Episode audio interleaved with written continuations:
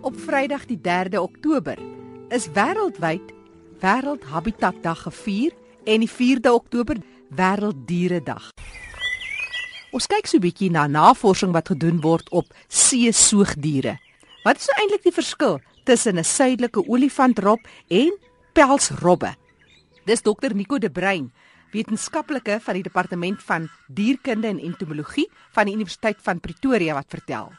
Hulle behoort aan verskillende groepe robbe, as 'n mens dit so kan stel. Die pelsrobbe noem ons geoorde robbe. So hulle het oortjies wat al is die oortjies baie klein, is daar pinna wat by die vel uitsteek en dis hulle oortjies. Hulle agter flippers kan ook vorentoe buig, so hulle enkels kan omdraai sodat hulle makliker op land kan beweeg en dan is daar 'n uh, heelwat ehm um, verskille in terme van hulle voortplantingsstelsels en so aan ehm um, en patrone waar hulle babetjies kry op op die eilande, maar dan gaan die ma weg vir kort periodes om te gaan kos kry en kom dan terug om die baba te voer. Waar olifantrobbe, hulle het nie uitwendige oorpinnaai nie. Ehm um, hulle agterflippers kan nie vorentoe buig nie. Hulle hulle wobble swaalf op die strand.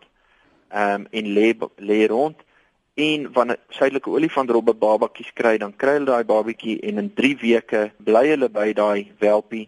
Hulle voer hom, hy speen, hy gaan dan op sy eie en die ma gaan weer aan. So daar's nie 'n kom en gaan van van die ma met met daai nie. Maar daar's 'n heel wat verskille. Olifantrobbe is natuurlik enorm ook. Ja. Ehm um, hulle kan tot 3.5 ton weeg en waar die koeie so tot en met 900 kg omtrent kan weeg, waar pelsrob die grootste bulle is hier by die 200 250 kg en die grootste wyfies vir die pelsrobbe is hier so by die 60 70 kg. Um, indien wel so groot. So daar's 'n baie groot hmm. verskil in die, in die in die grootte En dan laastens natuurlik die pels van pelsrobbe is baie uniek. So dis die pels van 'n pelsrob wat hom warm hou en wat sy vel eintlik droog hou, waar met 'n dier soos 'n olifantrob, die ware robbe noem ons hulle, hulle het groot vetlaag onder hulle velle. So dis nie die hare wat hulle noodwendig warm hou um, en help met termoregulasie nie, dit is daai vetlaag onder die vel. So daar's verskeie verskille, ja. Maar kan hulle hoor? Yes, nee, hulle kan baie goed hoor. Al die spesies kan baie goed hoor. Dis nou maar net daai uitwendige ja. wat 'n mens kan sien. Maar olifantrobbe en pelsrobbe, almal van hulle het redelike goeie gehoor en veral op land kan hulle jou vinnig hoor en hulle gesig is goed en natuurlik hulle reuksintuig is fantasties. Heel interessant op die 3de Oktober is ook Wêreldhabitat Dag en die twee loop eintlik so hand aan hand want dit is juis as gevolg van in baie gevalle mense se inmenging en habitatvernietiging wat baie diere so swaar kry. Ja, absoluut. Daar's natuurlik 'n hele studieveld met die naam ekologie wat kyk na diere en hulle verwantskap en hulle, hulle interaksies met die habitat en met die omgewing. En net soos ons as mense van die omgewing afhang vir water en kos en alles om ons aan die lewe te hou, so ook enige ander lewende wesens uh, en diere en kluis op op die planeet. En so habitat en diere is is een en dieselfde ding omtrent, ja. Met verwysing na habitat, die habitat waarop jy fokus is Marion Eiland. En dit is waar jy navorsing doen oor van die soogdiere daar. Vertel ons meer. Dis korrek, ja. So soogdiere neem natuurlik baie vorms in en meeste van ons ken terrestriële soogdiere hierso wat ons in die Kruger Wildtuin ensovoorts kan sien. Maar Suid-Afrika het ook 'n eiland wat aan hom behoort en dit is Marion Eiland in die Subantarktiese strook en die naby eiland Prins Edward Eiland. Mm -hmm. Nou op Marion Eiland is daar 'n groot marine soogdier navorsingsprogram wat ek saam met 'n kollega van my professor Martaan Bester um, aan die gang hou en hy het dit begin meer as 30 jaar gelede.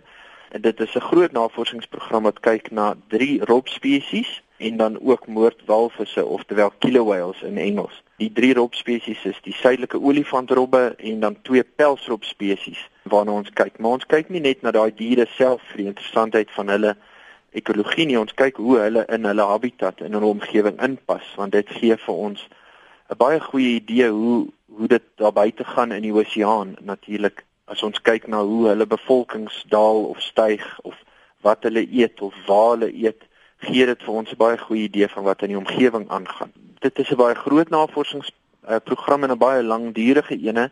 Hoe meer antwoorde ons kry, hoe meer vrae het ons op hmm. daai antwoorde.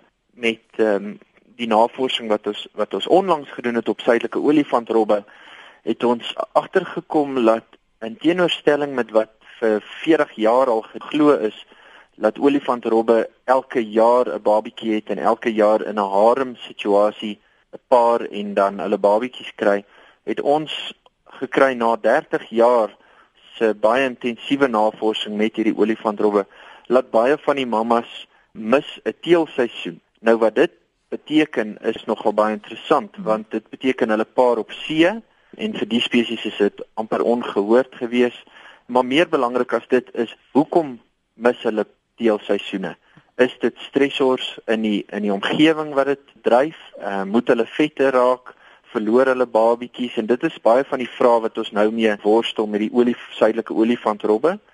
Dan met die pelsrobbe sien ons dat na dekades van baie skerp toename in die getalle van pelsrobbe sien ons nou 'n afplatting van die Antarktiese pelsrobbevolking maar eintlik 'n daling in die subantarktiese pelsrobbevolking en dit is nou onlangs dat ons dit uh, opgemerk het en ons weet nie hoekom nie. Ons ons ons vra nou vra in daai rigting ook. En dan met die moordwalvisse of die killer whales is dit baie basiese vrae wat ons nie antwoorde op het nie. Hulle is natuurlik baie moeilik om te bestudeer.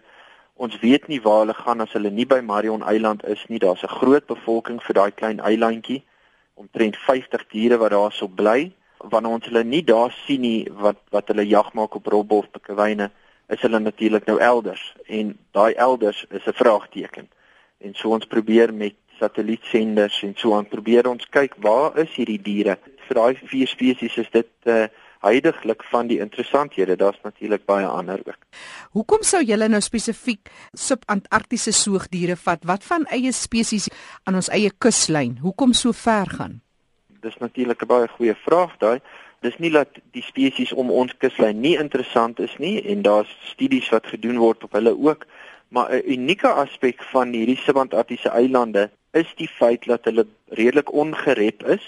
So daar is baie min mense invloed op hierdie eilande en as gevolg daarvan het ons 'n baie duideliker prentjie van wat natuurlik gebeur sonder die invloed van mense met baie van hierdie bevolkings. Maar dit gesê, is dit ook 'n deel van die wêreld wat deur klimaatsverandering ongelooflik vinnig geraak word. En ons sien baie duidelike veranderings in weerspatrone en in temperature en in die wind en so aan en so voort by hierdie subantarktiese eilande en in die omliggende oseaan. En as gevolg daarvan gee daai diere vir ons amper 'n vroeë waarskuwingsmetode vir wat moontlik later aan kan gebeur op Suid-Afrikaanse of elders kus En so dis 'n dis 'n baie goeie laboratorium waar daar nog min mense invloed is en so ons kan die natuurlike siklusse kan ons mooi bekyk.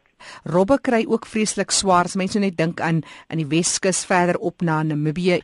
Kon jy ook agterkom dat hierdie tipe invloed van mense dat dit ook deursypel na byvoorbeeld na die pelsrobbe?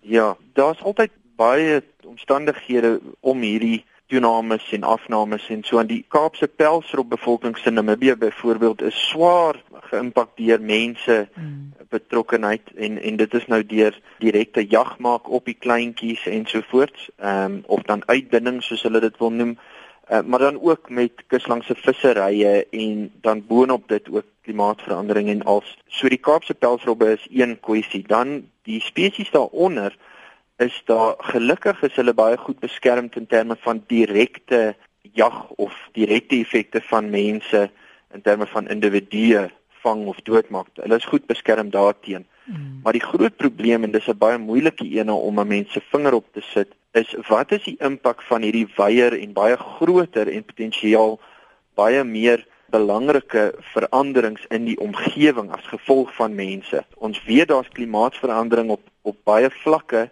en die impak daarvan op seestrome byvoorbeeld op wind die hoeveelheid wind wat daar is en as gevolg daarvan die menging van watermassas wat dan 'n impak het op die voorraad kos vir al hierdie diere insluitend visse wat ons vang vir ons visserye. So daai probleme is baie moeiliker om 'n mens se vinger op te sit, maar dis potensiaal baie baie kritiese probleme wat ons antwoorde op probeer kry. Dis dokter Nico de Bruin wat bietjie vir ons ingelig het oor die navorsing wat hulle doen. Dis op Marion Eiland se Antarktiese soogdiere. Hy is wetenskaplike van die departement dierkunde en entomologie, dis by die Universiteit van Pretoria. Vir mense wat meer wil oplees oor julle navorsing, uh, dokter, dalk 'n webtuiste? Daar is www.marionkillowhales.com.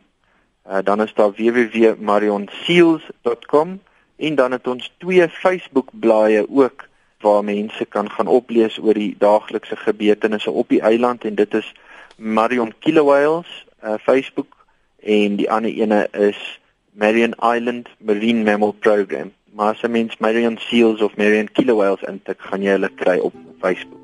Dr Nico de Bruin is van die departement dierkunde en entomologie by die Universiteit van Pretoria.